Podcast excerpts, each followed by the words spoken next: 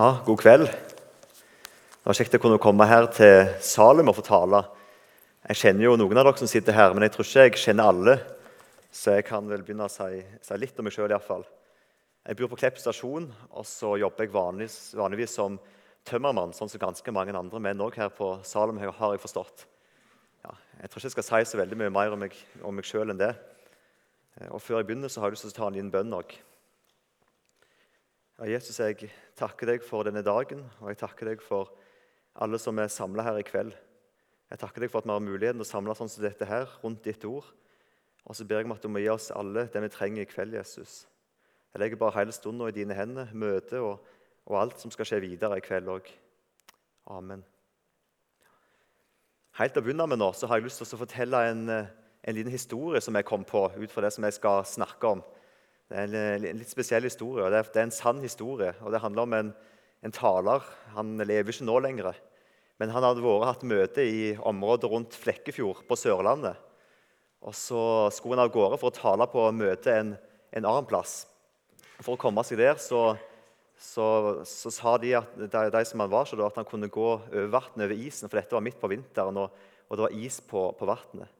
De sa at isen den holder, den var tjukk, så han kunne bare gå over isen. Det var mye raskere. Og han, eh, Mannen her han, eh, han gjorde som de sa, han gikk over isen. Men etter hvert som han gikk utover, så, så ble han mer og mer redd. Han kjente at det, at det virka som at det begynte å knirke under han. Han begynte å bli usikker på om denne isen her kommer til å holde. Men så husker han jo på det. De hadde jo sagt det til han at isen den skal være sterk nok. Så han gikk videre, og til slutt så var han midt ute på isen. Og Så begynte han å høre at det knirka fælt rundt han. Og Da kom han på det at han hadde hørt noen hadde sagt til han en gang at hvis, hvis du er utrygg ute på isen, da må du bare legge deg ned på, på, på magen og fordele vekta ut på isen, så, så, går det nok fint. Så da gjorde han det. Han la seg ned på, på alle fire la seg ned på magen og så begynte han å krype bortover på isen. Det så sikkert litt dumt ut. Men mens han lå der og krøyp og kravla bortover på, på, isen, så kom det plutselig hest med en slede full med tømmer på i full fart rett over isen. Og Da forsto han jo det at eh, isen den holdt jo. Eh, den var absolutt tjukk nok. Så han dumma seg litt ut der, for han, han stolte ikke på de som hadde sagt at isen holder. Og Da tenkte jeg på det for oss òg som er i dag, at det, det blir fort for oss òg at det går galt hvis vi ikke stoler på det som står i Bibelen. Jeg kan si Det sånn at det som står i Bibelen, det holder. Vi kan stole på alt som står der fra begynnelsen til enden. Men hvis vi ikke vil tro på dette her, eller hvis vi begynner å tvile på det som står her, så blir det fort som denne mannen. Da går det galt, eller vi dummer oss ut eller vi gjør fort ting som er, er, dumt. Så vi må holde oss til det som står i Bibelen, og vi kan være sikre på at det, det holder. Til å begynne med så vil jeg også bare fortelle om et bibelvers som står i Salme 116. og Så er det vel vers 6 der. Og Der står det at Herren han verner de enfoldige. Jeg var elendig, og han frelste meg. Jeg synes Dette er et ganske fint vers, så jeg vil bare ta det med nå innledningsvis. Det står her at Herren han verner de enfoldige. Og i denne verden, Når vi snakker om en som er eller en enfoldig mann, da tenker jeg ofte, da ser vi for oss en mann som kanskje er litt dum eller litt enkel. En som ikke forstår så mye. Men jeg tror at når Bibelen snakker om de enfoldige, så tror jeg det er snakk om de som tar Gud på ordet. De som har et barnslig forhold til Guds ord. Jeg håper sjøl at jeg er blant disse enfoldige, og det står at Herren han verner disse, de enfoldige. Så stol på Bibelen.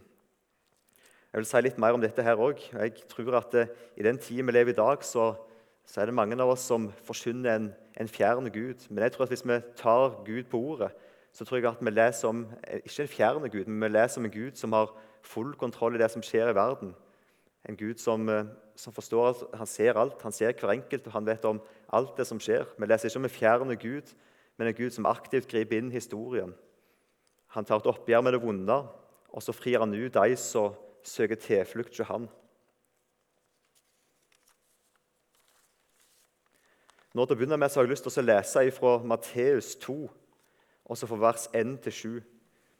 Jeg skal ikke snakke så veldig mye fra denne historien, her, men jeg tenkte også nå siden det nærmer seg jul, så passer det fint å ta fram litt fra det som, eh, som vi feirer, og det som vi skal ha fokus på nå i juletida. Derfor vil jeg lese litt her om det som står om, om vismennene, fra vers 1 da Jesus var født i Betlehem i Judea, mens Herodes var konge. Så da kom det noen vismenn fra Austerland til Jerusalem. De sa, Hvor er den jødekongen som nå er født? Vi så stjerna hans i Austaland og er komne for å tilbe han. Da kong Herodes hørte det, ble han fælen, og hele Jerusalem med han. Han kalte sammen alle øversteprestene og de skriftlærde av folket og spurte de ut om hvor Messias skulle fødes. De sa da til ham, i Betlehem i Judea, for så står det skrevet hos profeten. Du Betlehem i Judaland er så visst ikke den ringeste mellom fyrstene i Juda. For for deg skal det stige fram en høvding som skal være hyrding for Israel, folket mitt.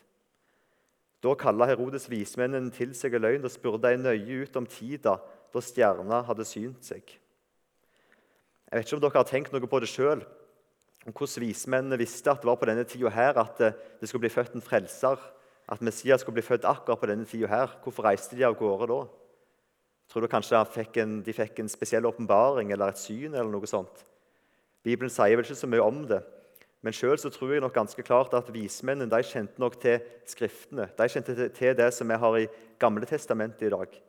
De snakker om at de så ei stjerne som gjorde at de visste at de skulle reise av gårde. Og Det tror jeg òg er noe vi kan lese om i Gammeltestamentet. Det står en profeti i 4. Mosebok 24, 17. Jeg skal ikke lese den nå, men der står det i, i denne Messias-profetien om ei stjerne som skal stige opp fra Jakob. Og Det er en profeti som peker fram på, på Jesus. Vi skal ikke si så veldig mye om vismennene, men vi kan i fall si det om dem, at de kjente nok til Skriftene. Derfor kjente de òg tida, derfor reiste de òg av gårde. De kjente til Skriftene, altså det som vi har i dag, som er Gamle testamentet, der Gud forteller også om det som han skal gjøre i frelseshistorien. Og Dette hadde jeg lyst til å ta med, og så har jeg lyst til at vi skal gå inn i en av disse her gamle historiene der Gud også forteller om det han skal gjøre i frelseshistorien. Og så lurer jeg på med dere også, om Kanskje noen sitter her og lurer på kan jeg vite om Bibelen er til å stole på. Kan jeg vite at Bibelen er sann? Eller kanskje noen sitter her og, og tviler på om Bibelen er sann. Ikke helt sikre på det. Men sjøl har det blitt sånn for, for, min egen del at når jeg ser hvordan Bibelen henger sammen, når jeg leser i historien i Gamle Testament og ser hvordan de peker framover på det som Gud skal gjøre, så kan jeg bare si en ting, at det går ikke an for et menneske å sette sammen noe sånt som det vi har i Bibelen. Bibelen må, det må være Guds ord. Og Det er Den historien jeg vil gå inn i nå, det er historien om Abraham. Abraham og Isak. Når Abraham fikk beskjed om å ofre sin eneste sønn Isak. Så Da vil jeg lese fra første Mosebok, kapittel 22.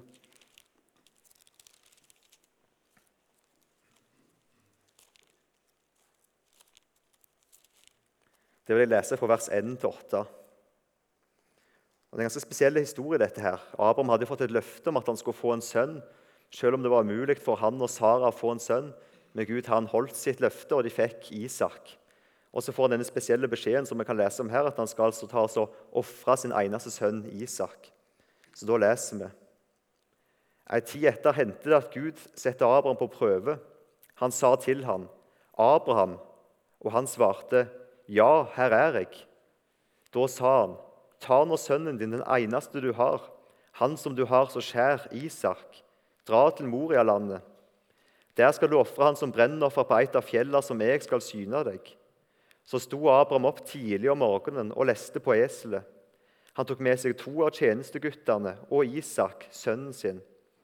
Han kløyvde ved til brennofferet og ga seg på vei dit Gud hadde sagt han føre. Tredje dagen, da Abraham så seg ikring, fikk han øye på staden langt borte. Da sa Abraham til tjenesteguttene.: Vær det her med eselet, mens jeg og gutten går dit opp for å tilbe, og så kommer vi attende til dykk. Så tok Abraham veden til brennofferet og la han på Isak, sønn sin. Sjøl tok han ellen og kniven i handa, og så gikk de i lag, de to.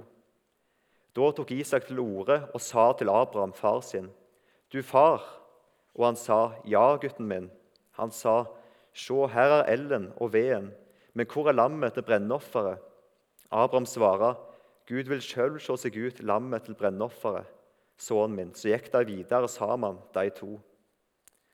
Ja, Det er en spesiell historie, dette her. Men jeg tror ikke det er tilfeldig, det som skjer her. Det er Gud som gir klar beskjed om hva Abraham skal gjøre.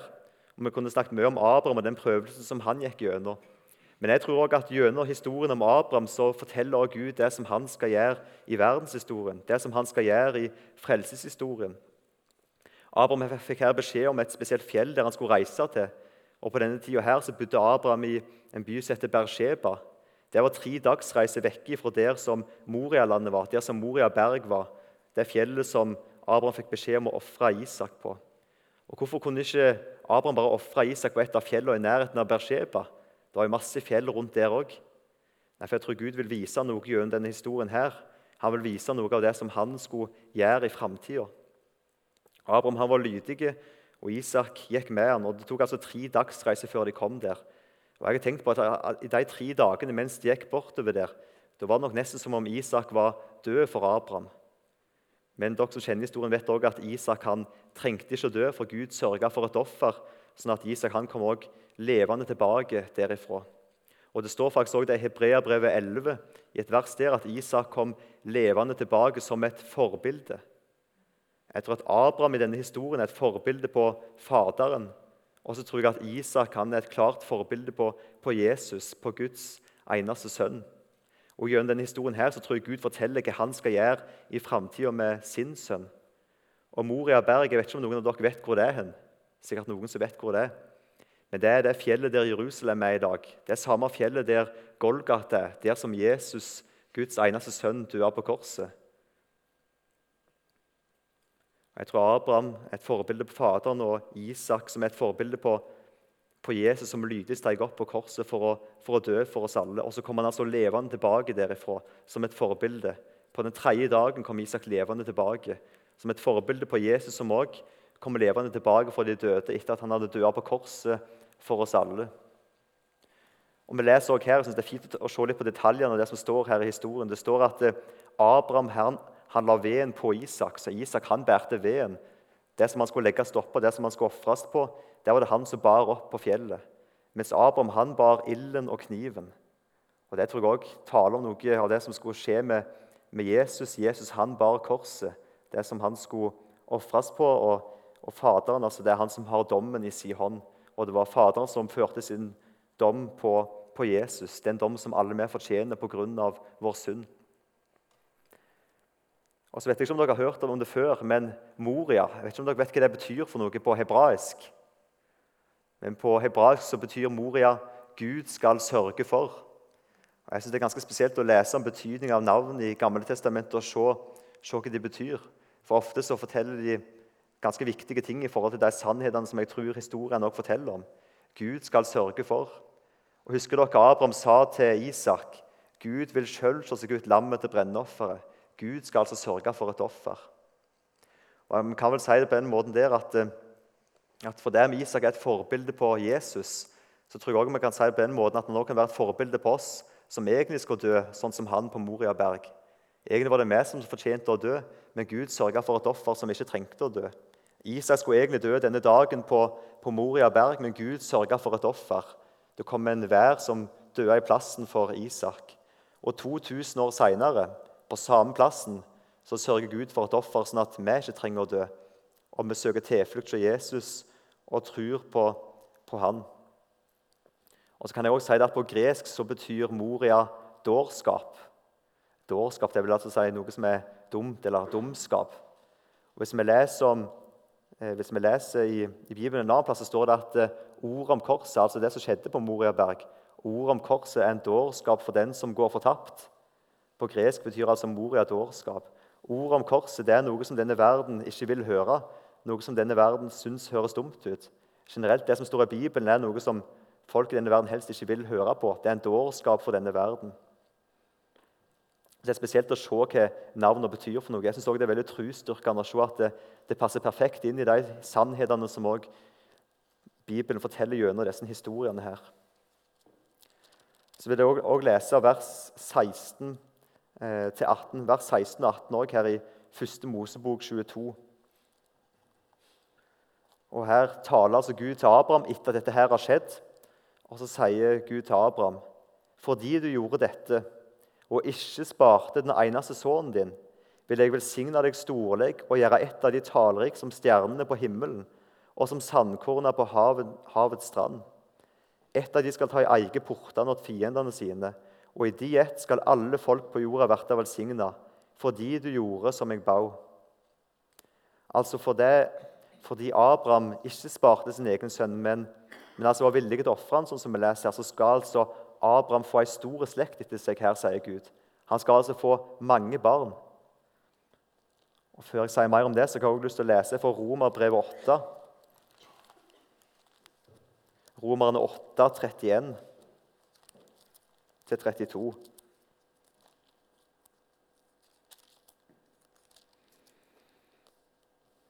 Og Der står det Hva skal vi da si til dette? Er Gud for oss? Hvem er da imot oss?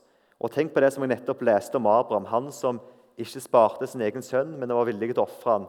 Og Her leser vi i vers 32 i Roman 8.: Han som ikke sparte sin egen sønn, men ga han for oss alle. Hvordan skulle han kunne annet enn å gi oss alle ting med han? Altså Fordi Abraham ikke sparte sin eneste sønn, skulle han altså få mange barn, ei stor slekt etter seg. Det skulle altså ikke bare bli med Isak. Og Sånn er det òg med Gud. Altså Fordi han ikke sparte sin eneste sønn Jesus, så blir det ikke bare med den ene, men Gud skal få mange barn. Alle de som tror på Jesus. Og Det står òg om det at, at, vi som tror på han, vi er Jesu brødre, og han er den førstefødte blant mange brødre. Så pga. det som Gud har gjort, og det som Jesus har gjort, så skal altså Gud få mange barn. Og jeg synes selv Det er fantastisk å se hvordan denne gamle historien som vi leser her, om det som skjedde 2000 år cirka, før Jesus kom, gjennom denne historien forteller egentlig Gud det han skal gjøre i framtida. Det er veldig trosstyrkende òg, syns jeg. Du ser at Det er ikke tilfeldig hvordan ting står skrevet. Og Jeg kunne fortsatt videre historien om Abraham. Jeg tror at Hvis vi hadde fortsatt videre, så kunne vi lese hvordan historien også peker framover på det som skal skje videre i historien.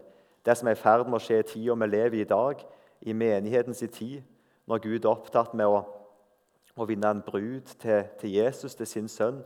Og Vi kunne lest videre om det som peker framover på Jesu gjenkomst, og det som har med endetid å gjøre. Jeg tror at Historien om Abraham forteller også i forbildet om, om disse tingene her.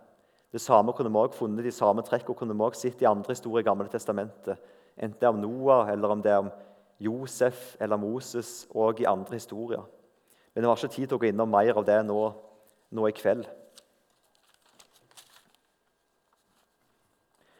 Men sånn er det altså med Gamle testamentet. Og jeg, Vi leste jo om vismennene. De kjente altså Skriftene. Derfor gikk de òg av gårde. Gud hadde sagt det lenge før det skal skje, hva han skal gjøre. Og så ser vi at det går alltid sånn som Gud har sagt. Hans ord det er til å stole på. Vi kan altså vite at Bibelen er sann. Og så er det én ting som er sikker, så er det at Gud kan ikke lyge. Og nå I juletida er det også et vers som jeg liker å trekke fram. Det står i Galaterne 4. Galaterne 4, også vers 4, som jeg tror jeg vil ta det også fram nå.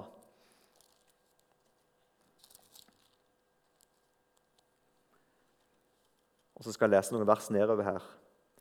Men da tida var fullkommen, sendte Gud sønnen sin, født av ei kvinne, født under lova, for at han skulle kjøpe fri de som var under lova så de skulle få barnekår.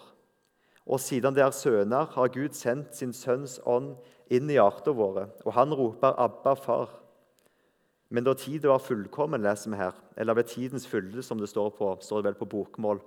Ved tidens fylde. Og jeg tror at Det som egentlig ligger i dette uttrykket her, hvis du går i grunnteksten også, ved tidens fylde, det vil altså si at Hvis ikke Gud hadde grepet inn på denne tida, her, så hadde det gått fullstendig gale for, for hele menneskeslekta. Gud griper alltid inn når han skal, ikke for tidlig og ikke for seint. Men ved tidens fylde og på et mørkt tidspunkt i verdenshistorien da sendte altså Gud sin sønn Jesus til denne jord. Og så kan vi si like sikkert som, som at det skjedde, så er det også sant det Bibelen sier om at en dag skal Jesus komme tilbake for å hente oss. Det kunne jeg som sagt også vist i, i forbildet i historien om Abraham, hvordan, hvordan den også peker framover på den dagen når Jesus skal komme og hente hjem sine når vi som tror på han, vi som er Jesu brud, skal bli henta hjem til han, og det skal være bryllup i himmelen. Selv, jeg anbefaler dere alle egentlig selv å gå hjem og lese historien om Abraham og tenke over de tingene som jeg har snakket om. Så vil dere kanskje få se noe der. Snart tror jeg også Jesus kommer tilbake. og Da vil jeg bare spørre hver enkelt som er her, har dere, har dere søkt tilflukt hos Jesus? Jeg håper hver enkelt her inne ser at dere trenger Jesus og har søkt tilflukt hos han. Og så vil jeg igjen også si et ord, ord, til hver enkelt av dere som jeg ofte siterer. Jeg tror faktisk jeg har, har delt det her en gang før. Det står at den som tror på Sønnen, altså på Jesus, har evig liv.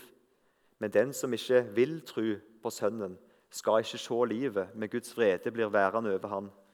Det står ikke 'den som ikke klarer å tro', eller 'den som tviler', men det står 'den som ikke vil tro'. Så Det er altså forskjell på det å ikke ville tro og på det å tvile. Og Hvis du ikke kjenner Jesus, ikke tror på han, så vil jeg også si til deg at da må du ikke vente til den dagen du føler at du tror nok, eller til du føler at du er overbevist nok eller forstår alt. Men du må komme til Jesus i dag, for det er uten han så er du fortapt. Kom til Jesus sånn som du er. Altså, jeg tror du må, Vi kan si på den måten at du må, du må tro på Jesus lenge før du klarer å tro på Jesus. Og så tror jeg at troa er noe som blir skapt i det vi tar imot Han, i det vi hører Guds ord og søker tilflukt til Jesus. Og For oss som allerede har søkt tilflukt til Han, så trenger vi å høre fra Bibelen om igjen og om igjen, sånn at vår tro kan få vokse. På den måten kan vi også få en sterkere tro, en tro som holder og blir grunnfesta i Skriftene. Kjenne Skriftene sånn som også vismennene kjente til Skriftene. Så vil jeg også komme med et uh, lite bilde i forhold til det med, med, med, å tro. Og i forhold til hva vi skal tro på.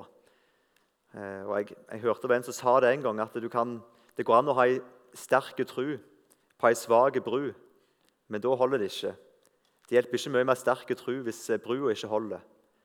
Men så kan du si sånn at det går an å ha en svak tro på ei sterk bru, og da holder det. Det er altså ikke trua di som holder deg, men det, det, er det du tror på. Det er det du har satt din lit til. Så vi må ikke være så opptatt med oss sjøl, med hva vi skal gjøre, eller med vår egen tro, men vi må være opptatt med det vi skal tro på. Og det er Jesus, det er Guds ord, det er Bibelen som er Jesus. Og det holder alltid. Om du ikke vil tro det i dag, så vil du en dag i evigheten òg få se at Gud, det Gud sa, det var sant alltid sammen. Så gi Gud rett i dag mens det ennå er tid. Og Helt til slutt så vil jeg bare lese et eh, dikt som jeg leste det var vel i juletida for et par år siden. I et julehefte. Så Jeg skal bare lese dette diktet her nå helt til slutt. Overskrifta på det er 'Historiens herre'. Jeg syns det passer også spesielt fint nå i, i disse juletider. Det var mørkt på jorda da Jesus kom. Folket ventet.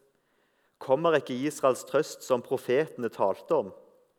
Det var lengsel og tvil i den lange natt, men verden var aldri helt forlatt. Gud passet klokken, minutt og sekund, og Jesus ble født i den faste stund. I himmelen sto englene klar til å synge det ut. Verden har aldri vært glemt av Gud. Også i dag er det mørkt og kaldt, men Gud har oversikten. Han vet om alt. Krig og fred, kirka som brenner. Når tiden er inne, han Jesus hender. Mon han da vil finne troen på jord, noen som stoler på Bibelens ord? La oss feste blikket på lys i denne mørke natt, for verden er aldri helt forlatt. Det var det som jeg hadde å dele med dere i kveld. Så vil jeg bare ta en liten bønn òg til slutt. Jesus, jeg eh, takker deg for ditt ord. Takk for at eh, hele Bibelen er troverdig. Jeg takker deg òg for at du kom til denne jord for å frelse og syndere, Jesus. Jeg takker deg for det du har gjort for oss, det er nok. Og jeg takker deg for at du lever i dag, Jesus, og du vil sørge for hver enkelt av oss som tilhører deg. Og Nå vil jeg òg be for hver enkelt her inne. Du ser om det er noen som vandrer vekk fra deg. Og Da ber jeg om at du må kalle på dem, Jesus, og vise dem at eh, vi er helt avhengige av deg. Og oss som tror på deg, Jesus, må du bevare oss alle hele veien hjem til deg. Og så ber jeg om at vi må få vokse i vår tro på deg og vokse i kjennskap til deg. Jeg vil også be for den kommende juletida for oss alle. At vi ikke bare må være opptatt med alt annet, sånn som resten av verden, men at vi kan få være opptatt med det som er det viktigste. Og at vi som tror på deg, òg kan være flinke til å hjelpe hverandre og minne, på, minne hverandre på ditt ord. Sånn at vi kan hjelpe hverandre på veien hjem til deg. Jeg legger resten av kvelden alt i dine hender. Amen.